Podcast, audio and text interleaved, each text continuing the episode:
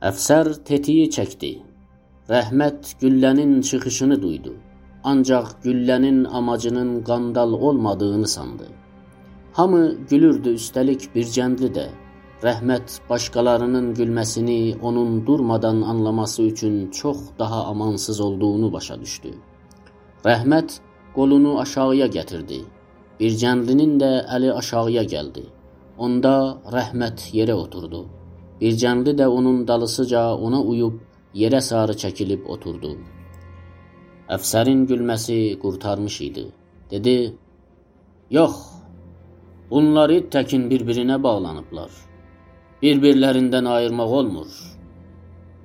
Bir an susub dedi: "Sən bu gecə rəhmətin türməsində yatmalısan." Rəhmət təhlükənin soğuşmasını anladı. Bircəndli deyinmək istədi, ancaq əfsər qabağın alıb dedi: Açarları sən kəndli hoqqabaz itirməsəydin, indi dinc idin. Evinə gedərdin. Dur yola düş. Get rəhmətin türməsinə. Sabah saat 8-də birini taparıq. Gələr qandala açar. Bircəndli durdu. Rəhmətin əli də öfkə ilə yuxarı çəkildi. Rəhmət də durdu. Bircəndli sinirli idi. Rəhmət o yan bu yana sürünürdü. Sanki bir cəndli acığın rəhmətdən çıxardırdı. Gözətçiliyin qapısından eşiyə çıxıb həyətə girdilər. Həyətdən birinci bölümə, oradan da türmənin qapısına getdilər. Rəhmət dostağın bu bölümünü yerbəyer gözü bağlı ayırd edə bilirdi. Bir cəndli açıq əli ilə türmənin qapısını açıb içəriyə girdilər. Bir cəndli əlin uzaldıb rəhmətin gözündən göz örtüyünü götürdü. Bölüm gözətçisi türmə qapısına sarı gəldi. Qapını bağlayıb getmək istədiyində gözü bir cəndliyə düşdü. Bir cəndli sinirli idi. Rəhmət indi bir cəndlinin gözlərinin qızarmasını gördü. Bir cəndli gözətçiyə üz tutub dedi: "Bəxtimizi görürsən. Ağanı, arvadını görməyə apardıq, özümüz də dostağa salıb." Sonra əlini qovzayıb qandalı göstərdi. Elə o Tehranlı olan gözətçi də dedi: "Bu ipi qırıqlar hamısı fırıldaqdılar. Bunlar hamısı özlərini açıq düşüncəli bilən ağaların işləridir. Bunları mənim əlimə versələr, onlardan elə açıq düşüncəli yaradaram, aşlarının üzərində bir qarış yağ qalar." Sonra soruşdu: "Niyə belə oldu?" Bir kəndli dedi: "Açar etdi, bunun da suçu değildi, öz suçum idi." Rəhmət düşündü, yenə bir gəndli sağ olsun. Öz suçun boynuna alır. Sonra Tehranlı gözətçidən soruşdu: "Sərkar, ayaq yoluna getmək olar?" Tehranlı gözətçinin gülməyi tutub dedi: "İşlərinizi nə cür edəcəksiniz?" Rəhmət dedi: "Sərkar, bir iş görərik. Bəzi işləri bir əldə görmək olar." Tehranlı gözətçinin çopur üzü gülməkdən qırışıb çuxur-çuxur oldu. Dedi: "Bir əlli işəmə. Çox baxmalıdır. Gəlin, gedin. Mən də gəlirəm, istəyirəm sizə baxam." Ayaq yoluna sarı getdilər. Hər zaman olduğu kimi ayaq yolu batıqlıqdan donub daşırdı. Sol əli ilə şalvarının düymələrini açdı. Bir gəndli də elə bu işi gördü. Tutsaqla dostaqçı yan-yana durub işədilər. Tehranlı gözətçi arxalarında durub gülürdü. Sonra Rəhmət əlini çoxanla su ilə yudu. Sonra sol əli ilə su içdi. Bir gəndli də əlini yudu, ancaq su içmədi. Türməyə sarı qayıtdılar. Tehranlı gözətçi də dallarıca gəldi. İkisi də türməyə girdikdən sonra gözətçi bir gəndli üz çevirib dedi: İstəyirsənmi türmənin qapısını açıq qoyam? Bircəndli dedi: "Yox, çox sağ ol. Yorğunam, istəyirəm yatam." Tehranlı gözətçi göz atıb dedi: "Gözəl yuxular görəsiz." Bircənli gülümsədi. Rəhmət bir söz demədi. Tehranlı gözətçi türmənin qapısını bağlayıb getdi. Bircəndi dedi: "Uzanaq." Rəhmət dedi: "Çox yaxşı." Bircəndli əlini uzaldıb rəhmətin bir bucağa düşmüş iki pətisini götürdü. İkisi də yan-yana uzandılar. Rəhmət sol əldə, bir cəndli sağ əldə, qandal da ikisinin arasında. Bir-birlərinin üstündəki pətiləri düzəltdilər. Dostaqda tutsaqlar birlikdə bir pəti altında yata bilməzdilər.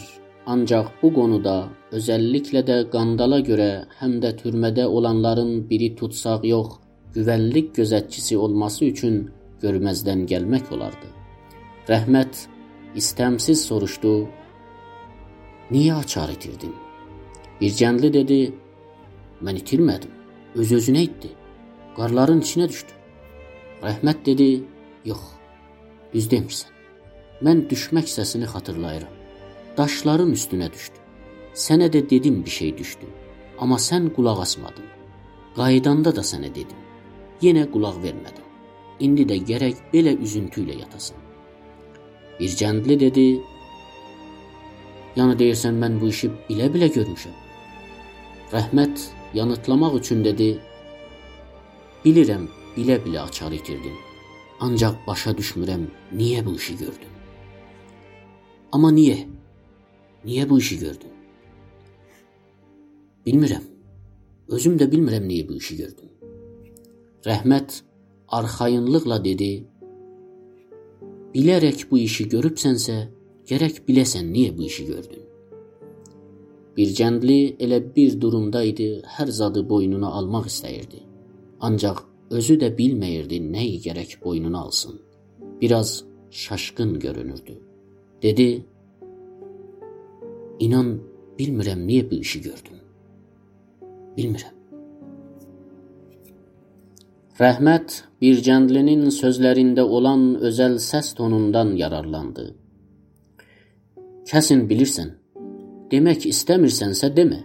Ancaq mən lap ilk başdan anladım ayrılmayaq deyə açarı sən itirdin. Bir cəndli dedi, İlkdə bu işi gördüm. Ancaq sonunda özüm də sən kimi tutsaq olduğumu düşünmürdüm. Rəhmət düşündü, ən yaxşısı onu bu qonuda özgür buraxmaqdır. Olsa öz sözlərini demək istəyər, yalnız sözü biraz dəyişdi. Ancaq böyük təhlükə başımızdan soğuşdu. Az qalmışdı ölək. Gözətçi əfsər gerçəkdən vurdu. Bir cəndli dedi, İlk vurmaq istədiyində mənə göz elədi. Bilirdim göyə vurmaq istəyir. Rəhmət dedi, elə o da qorxunc idi. Bir cəndli dedi, tavanın qırağına vurdu. Tavandan bir dınqış alçı eşildi. Təhlükə yox idi. Rəhmət dedi, Mənim ödüm dağıldı ancaq. Sonra soruşdu: Əfsərin tutsaqda atışma haqqı varmı? Bir cəndli loğazla dedi: Sorğuçular ilə əfsərlər tutsaqda istədiklərini edə bilərlər. Sorğuya çəkənləri yoxdur. İkisi də sustular.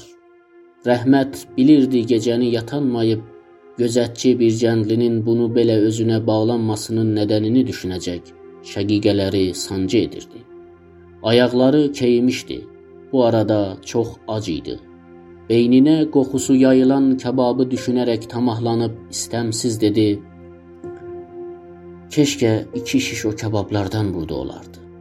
Bir cəndli tam olaraq ayrı qonudan danışdı. Nədən arvadını boşamaq istəyirsən? Lap belə 3-4 ildə dostaqda saxlansınlar. Elə arvadlar var, 10 ilə cənərlərini gözləyirlər. Rəhmət dedi, durumu qarışıq adama evlənmək gərəkməz. Bir cəndli soruşdu, onda niyə evləndin? Rəhmət dedi, evləndiyim zaman qarma-qarışıq durumda deyildim. Hər zət kəsinliklə yaxşı, həm də yolunda görünürdü. Ömür boyu bir öyrətmən qalıb, iki ya üç uşağın atası olub onların böyütməsini sanırdım. Ancaq dünyadır da, adamın öz əlində deyil. Qarışıqlı durumu kimsə özü istəməz ancaq birdən gəlib adamı tapır. Rəhmət bunu demək istəyirdi. Bu pırtlaşıq durum öz istədiyi deyil. Bunun da batmaq nədəni başqa olaylardan.